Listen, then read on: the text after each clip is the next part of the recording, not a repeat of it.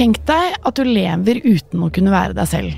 Fordi du blir kontrollert av noen andre. Kanskje du er utsatt for vold uten at du vet det selv engang. For vold det er jo ikke bare fysisk. Så absolutt ikke. Det finnes også bl.a. psykisk og økonomisk vold. Bare se for deg at noen sjekker telefonen din hver eneste dag for å se om du har ringt noen du ikke bør i gåstein ringe. Eller at noen sjekker nettbanken hver gang du har vært utenfor døra, eller tar kortene dine. Det fins mye ting som noen andre kan kontrollere i livet ditt. Men hvordan kan du egentlig vite om du selv eller noen du kjenner blir utsatt for psykisk vold? Og hva kan du gjøre med det? Jeg har i løpet av arbeidet med denne episoden snakket med et par ansatte som jobber på krisesenter. Og det som går igjen, er at eh, de siste ti årene så har det vært økt trafikk på krisesentrene. Flere søker seg til dagsamtaler. Det er flere menn som oppsøker krisesenteret enn tidligere. Og det som kanskje er tristest av alt, er at eh, det i løpet av denne høsten her, altså i 2023, eh, har vært mye travlere enn vanlig. Og det er veldig trist. Mitt navn er Pernille Kjølberg Vikørn, og du hører på F-ordet, en podkast laget i samarbeid med Plan.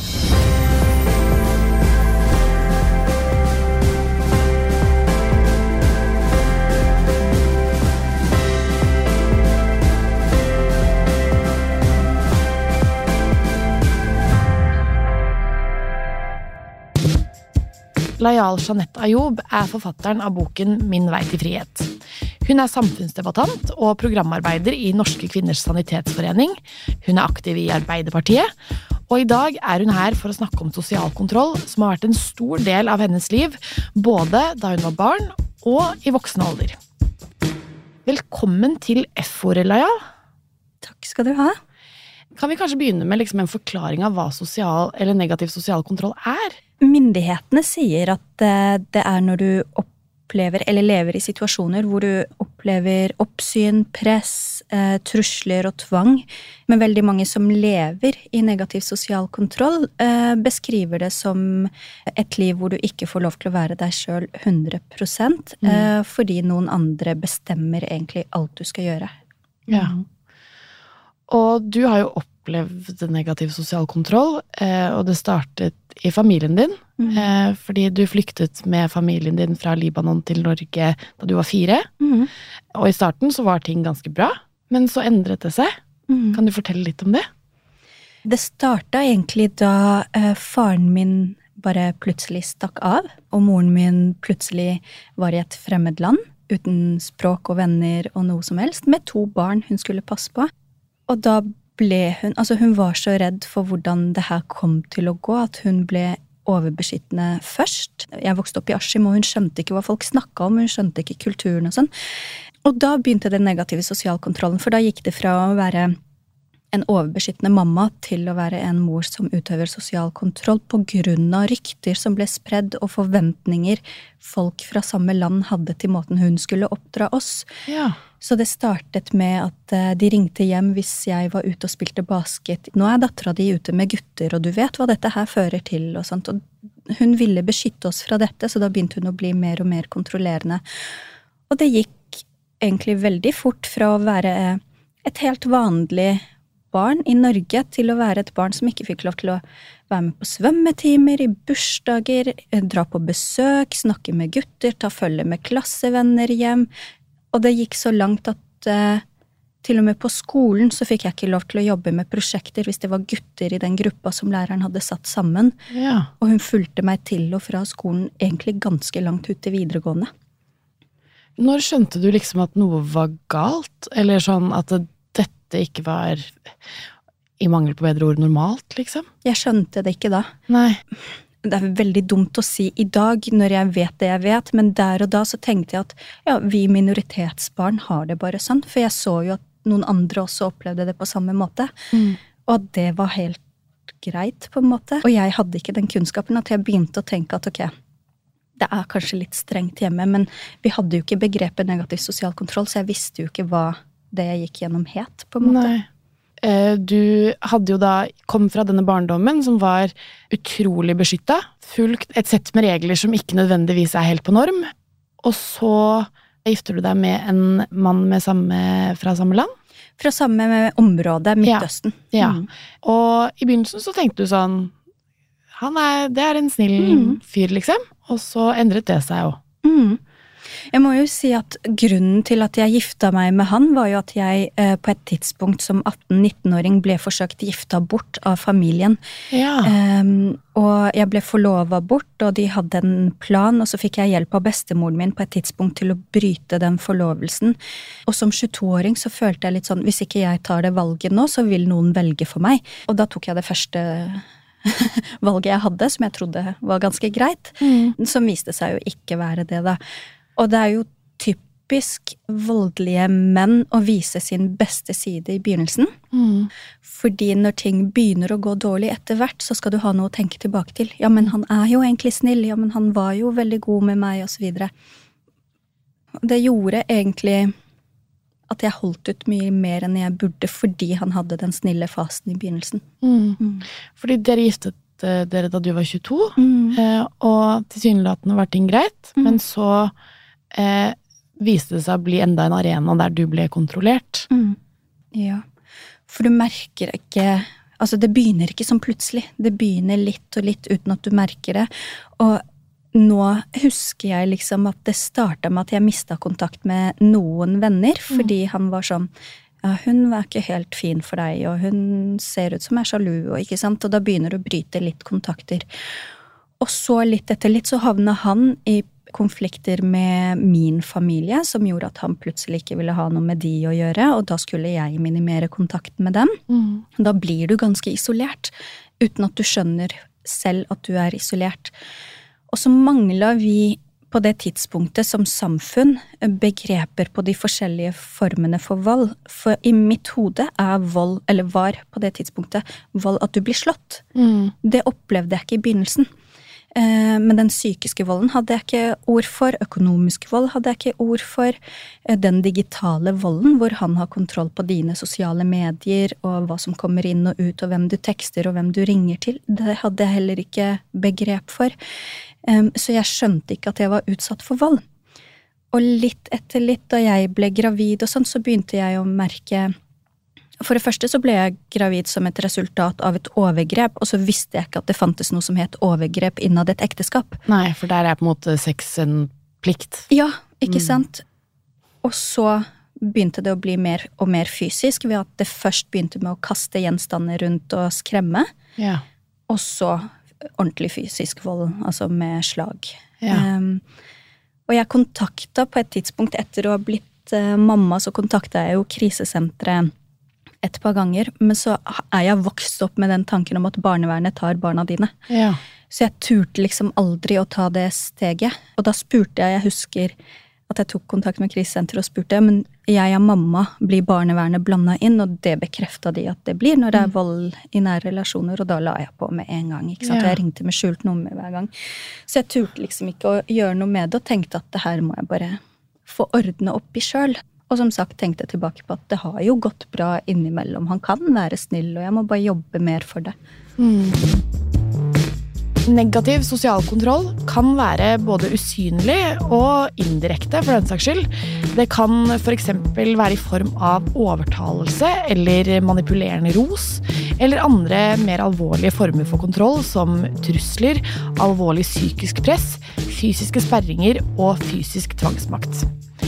Virkemidler som tas i bruk for å kontrollere, kan være alt fra kontroll av telefon, e-post og datamaskin, oppringninger eller forfølgelse, psykisk press som trusler om konsekvenser som fratagelse av materielle goder, fysisk innesperring eller fysisk vold. F.eks.: Hvis du ikke gjør dette, så kommer jeg til å banke deg. Eller hvis du ikke gjør dette, så får du ikke lov til å bruke penger på to år. Det kan være hva som helst. Og ryktespredning det trekkes fram som en sentral kontrollmekanisme i negativ sosial kontroll.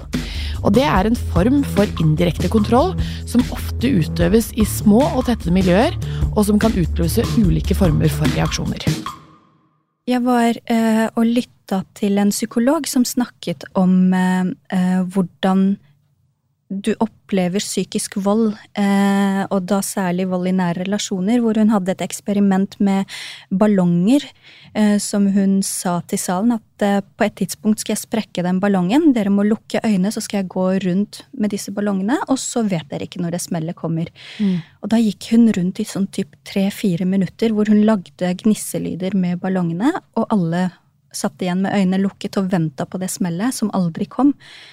Men det forklarte på en måte sånn fysisk, særlig til de som aldri har vært utsatt for denne formen for vold, hvordan det er å gå rundt og vente på det smellet. Men så forklarer jo kvinner generelt som er utsatt for negativ sosial kontroll og vold, at eh, når det smellet kommer, så kommer en god periode etterpå. Ja. For da har denne mannen på en måte fått um, ja, fått ut aggresjon og fått ut all sinne. At det, da blir det en fin periode etterpå. Ja. Ikke sant. Og du kom deg jo ut av ekteskapet ditt også etter hvert. Eh, men hva er liksom sånn, hva er ettervirkningene når man har levd i noe sånn, på en måte? Hva er konsekvensene? For det første så er det litt det at eh, du må gjøre den jobben sjøl. Eh, mm. Uansett hvor mye samfunnet heier på. Nå har vi begreper, og vi har tilbud og politi og krisesenter og alt mulig. Men jobben må du gjøre helt selv. Det er ingen som kan ta den kampen for deg. Mm. Og så er det litt det at du, når du kommer ut, så står du helt alene. Ja. Det er ingen som hjelper deg å finne jobb og finne leilighet og skaffe deg nye venner og putte deg i, i sosiale omgivelser som er sunne for deg. Ikke sant? Den jobben må du gjøre helt alene.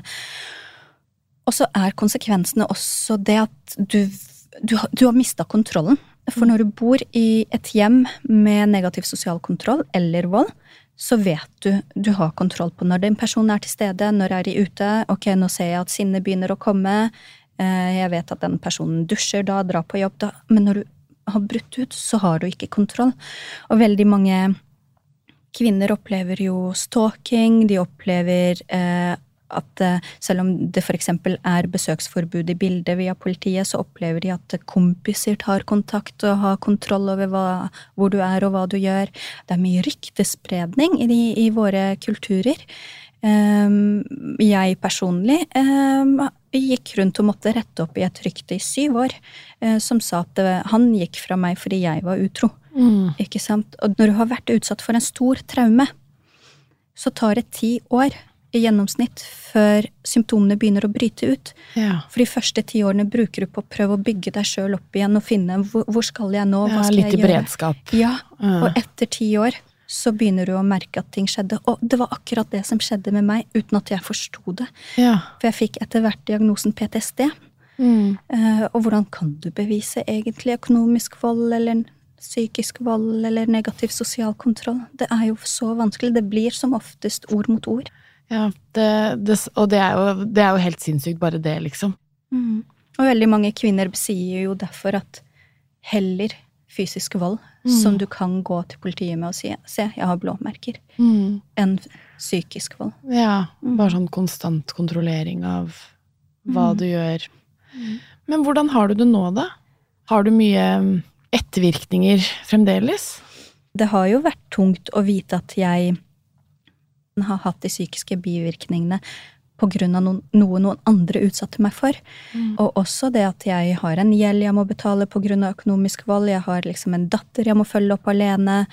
Ja, det var så mye du måtte bygge opp igjen etterpå, som er så urettferdig fordi samfunnet ikke stiller den andre personen til ansvar. Mm. Og også det at jeg i en periode måtte gå rundt med voldsalarm, som jeg følte på en måte satte ekstra press på meg eh, som utsatt istedenfor press hos utøver. Mm. For da måtte jeg passe meg for å trykke tidsnok og ikke sant. Ja, det er mye ansvar å legge på den som på en måte Som allerede har hatt det vondt. Ja. Og så har jeg prøvd i ettertid å skjønne hvorfor moren min gjorde som hun gjorde. Så da jeg skrev den boka, så prøvde jeg å sette meg sjøl inn i hennes sko. Mm. Og moren min var aldri slem. ikke sant? Hun mente ikke noe vondt. Og det er noe med å forstå det òg, og prøve å forstå hva var det hun egentlig var redd for, og hvorfor var det sånn, og hva kan vi gjøre annerledes som samfunn for å hindre at flere opplever det jeg opplevde. Mm. Og man kan jo bare tenke seg, da, liksom hvis man prøver å ta på seg mammaen din sine sko, eller sette seg i hennes sko, liksom, at det, det unnskylder jo ikke, men det forklarer jo. Ja. Kanskje. Og så gikk hun aldri på norsk skole. Da vi kom til Norge, var det ikke introduksjonsprogrammer og den slags heller, så hun ble altså, Det var ingen som strakte ut en hånd for å forklare henne hvordan det norske samfunnet fungerer. Eh, og så kommer vi fra land hvor frihet assosieres med prostitusjon og narkotika, ikke sant. Og når hun hørte liksom at ja, men i Norge er barna fri, og alle mennesker Så var det sånn Er det ingen grenser, liksom? Mm. Så ingen som forklarte det lille ekstra som hun trengte. Ja.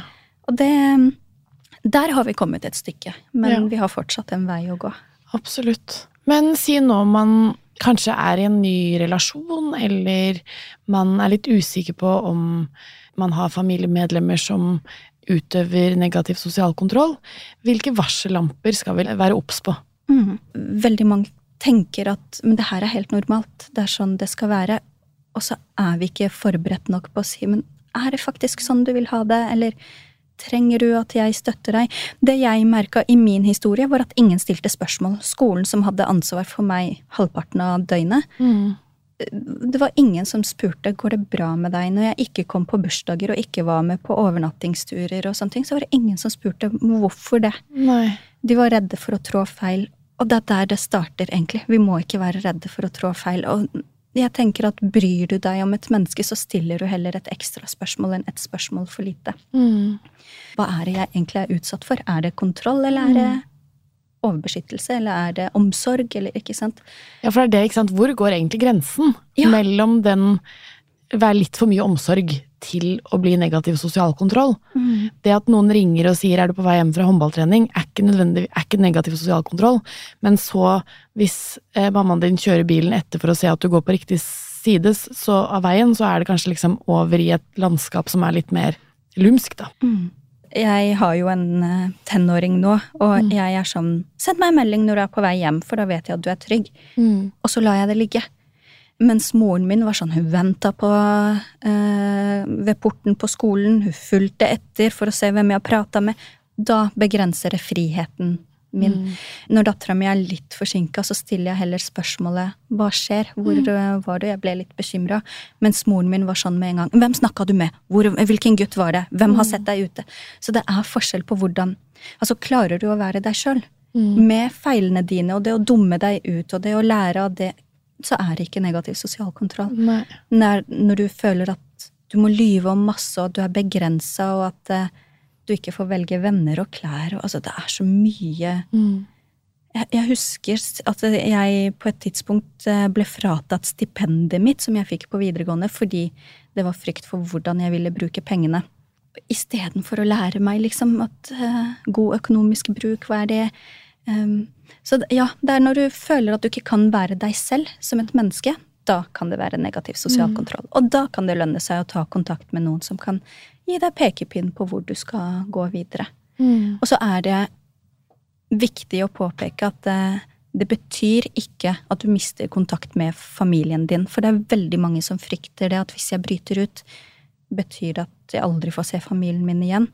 Og det er igjen en terskel for å gjøre noe med situasjonen sin. Mm. Det fins veldig mange som er villige til å sitte med dere og megle. Til og med barnevernet, selv om du er over 18 år. De har systemer til du er 25 som setter seg med familien din og forklarer og megler og finner gode løsninger til dere begge, sånn at alle skal ha det bra. Mm. Det er ingen som ønsker egentlig å ta deg bort fra familien, med mindre det er veldig farlig for dere liv og helse. Mm.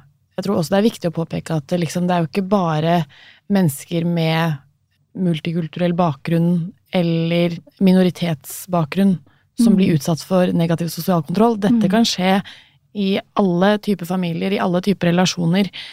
Det kan være en kjæreste som går fra å være verdens snilleste til å plutselig begynne å kontrollere hva du har på deg. Dette kan skje med alle, på en måte. Eh, Og veldig mange tenker at eh, det er religiøst, ikke sant, det er kultur, men det har heller ikke noe med det å gjøre. Da jeg var innom krisesenteret, så trodde jeg at jeg skulle sitte med folk som så ut som meg. Mm. Men jeg satt i en blenda hvit forsamling, og det var menn til og med. Som eh, hadde blitt utsatt for vold av sine kjærester, som var på krisesenteret. Så det er veldig viktig at du påpeker det. Og så var det ikke så lenge siden NRK hadde en dokumentar om etnisk norske som brøt ut av diverse religiøse menigheter. Og jeg tenker at det er veldig fint å vite det òg, at det skjer med alle. Men det er også viktig å ikke begrense det til religion. mm. den målgruppa jeg tror har det aller, aller verst, som ingen ser, er de ressurssterke kvinnene. Ja. Fordi det er forventa at de skal finne ut av dette her sjøl, og de blir ikke utsatt eh, for noe som helst, for de kan rettighetene sine og sånt, og så går de rundt og har det veldig vanskelig. Mm. De andre ser vi mye enklere fordi vi har hatt noen år nå med og ja, de kulturene utsetter for det, og de her kan være utsatt for uh, kjønnslemlestelse, og de her kan være utsatt for religiøst press. Og så går det veldig mange kvinner som ikke blir fanga opp. Mm. Og det er viktig å se de også. Ja, men eh, du har kommet deg ut av da en familie, eller kommet ut på andre siden, fra en oppvekst som har vært preget av mye eh, sosial kontroll. Du har også kommet deg ut av et ekteskap. Hva var det som gjorde at begeret rant over? Liksom? Når, hvordan kom du deg ut? Av familien så var det jo det, den forlovelsen som gjorde at jeg bare tenkte at nå gifter jeg meg med første og beste alternativ, for det kan være min billett til frihet. Av ekteskapet Jeg husker den dagen veldig godt når jeg bestemte at jeg ikke gidder mer, og det var um, Vi hadde kommet til et uh, punkt hvor um, det var veldig mye fysisk vold, og hvor dattera mi på, på ett år løp rundt og satte hendene på ørene og sa nei, nei, nei, nei, nei, hver gang det ble høy, høye stemmer hjemme. Og da sa jeg til eksen min, at, eh, for da hadde jeg ikke hatt kontakt med venner og familie på en stund, at nå vil jeg ringe søstera mi. Jeg trenger å prate med noen. Og han kontrollerte jo telefonen min, så han sa at det er greit, men da skal du sitte i stua, og jeg skal høre den samtalen, for han ville jo ikke at jeg skulle formidle at jeg ble slått eller eh, utsatt for fysisk vold. Eh, og da tok jeg og ringte krisesenteret og lot som om jeg snakka med søstera mi. Mm. Og så sa jeg at uh, hei, hvordan går det, lenge siden? Og de skjønte med en gang at sitter det noen ved siden av deg, så sa jeg ja. Og så sa jeg når kan vi møtes, vi har ikke sett hverandre på lenge. Og da ga de meg tidspunkt og adresse. Og dagen etter så bare stakk jeg av eh, og dro dit. Det fins jo noe hjelp fra Mm. annet krisesenter. Imdi.no slash Nora. Mm. Røde Kors-telefonen har jo eh, også tar, tar imot samtaler hvis du er redd for tvangsekteskap. Men så har vi også et politi i Oslo som har blitt veldig gode på negativ sosial kontroll og vold i nære relasjoner. Eh, så man kan ringe dit faktisk og diskutere en sak anonymt. Eh, og så har vi jo fått eh, et barnevern med miljøarbeidere som tar imot også sånne saker, og der kan man også diskutere anonymt. Og så har vi organisasjoner som jobber målretta mot spesifikke grupper. Jeg selv jobber i Norske kvinners sanitetsforening, og der har vi noe som heter Ressursvenn, som er for kvinner og jenter som har vært i kontakt med krisesentre, eksempel. Mm. Du finner veldig mange organisasjoner som har sisterhood-grupper, motherhood-grupper, som også ivaretar negativ sosial kontroll-biten. Mm. Og så er jeg veldig, veldig glad for at vi har fått minoritetsrådgivere, eller det som nå skal bytte navn til mangfoldsrådgivere, som er veldig spesialiserte på akkurat eh, negativ sosial kontroll og vold i nære relasjoner, og som vet direkte hva, hvor det er best å henvende deg, og hvordan hjelp du kan få. Mm. Åh, du er veldig inspirerende. Tusen takk! Takk for at du har delt, og takk for at du kom hit på besøk. Det setter jeg skikkelig pris på. Til slutt så vil jeg bare minne dere på om at det fremdeles er et stort behov for nødhjelp i Gaza, og du kan bidra til livreddende hjelp eller støtte planens nødhjelpsarbeid fast hver måned. Vips til 135332, eller gå inn på plan-norge.no.